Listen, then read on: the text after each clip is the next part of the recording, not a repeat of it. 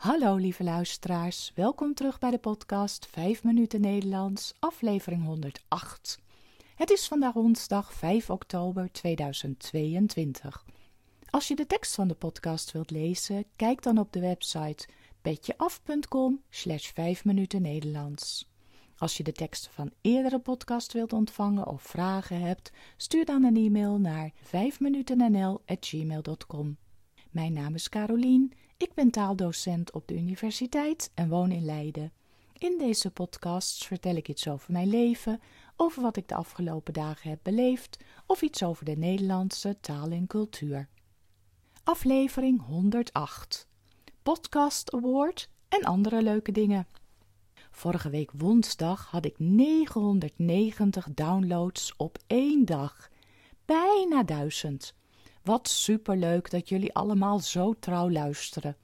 Ik weet nog toen ik begon met de podcast en ik de eerste paar weken helemaal blij was als er tien keer naar de podcast geluisterd werd.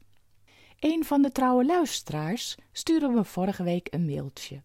Ik werd er helemaal stil van. Ze schreef me: Lieve Carolien, als je trouwe volger sinds de eerste aflevering heb ik je nu voor de Dutch Podcast Award 2022 genomineerd in de categorie Media, Cultuur en Entertainment. Ik wist helemaal niet dat er een Dutch Podcast Award bestond en vond het dan ook ontzettend leuk dat ze mij genomineerd had.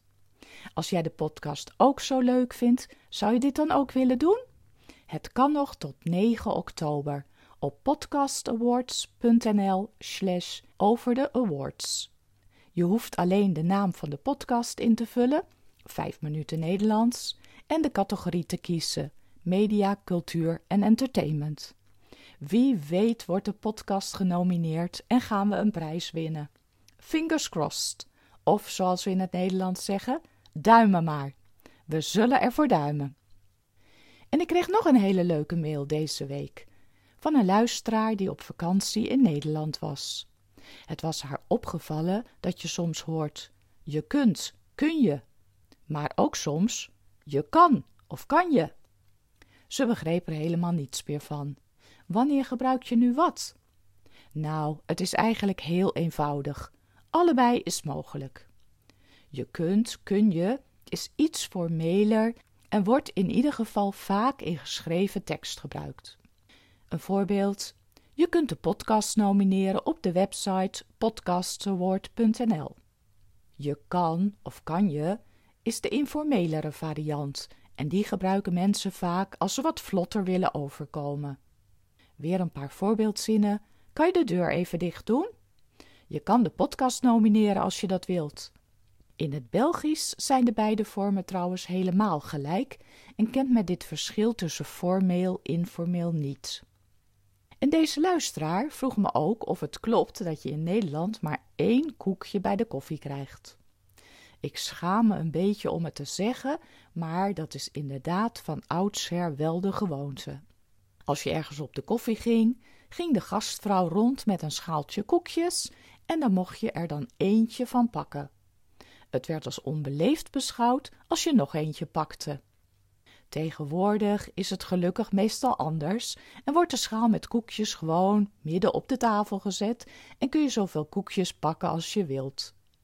Al moet ik er meteen bij zeggen dat de jongere generatie meestal helemaal geen koekjes meer bij de koffie aanbiedt. Steeds meer jonge lui en natuurlijk ook wel oudere mensen zijn op de gezonde toer en proberen zo min mogelijk suiker binnen te krijgen. Bij ons thuis nemen we ook bijna nooit een koekje bij de koffie of de thee. Een enkele keer koop ik een kruidkoek, want die vind ik heel erg lekker. En dan neem ik een plak mee naar mijn werk voor bij de koffie. En dan vraag je je misschien af waarom er zoveel lekkers bij de bakker ligt. Nou, dat wordt wel allemaal lekker opgegeten hoor. Als we iets te vieren hebben, kopen we graag iets lekkers bij de bakker om uit te delen. Zo was mijn moeder afgelopen week maandag jarig en ik was al vroeg bij de bakker om gebakjes te kopen. Bij een verjaardag hoort taart of gebakjes. Net zoals oranje gebak bij Koningsdag hoort. Zo heel gezond doen we dus ook weer niet. Dit was het weer voor vandaag. Als je ook vragen hebt, mail me gerust. Veel dank voor het luisteren en natuurlijk ook alvast voor het nomineren van de podcast. Een fijne week toegewenst en tot de volgende keer. Dag!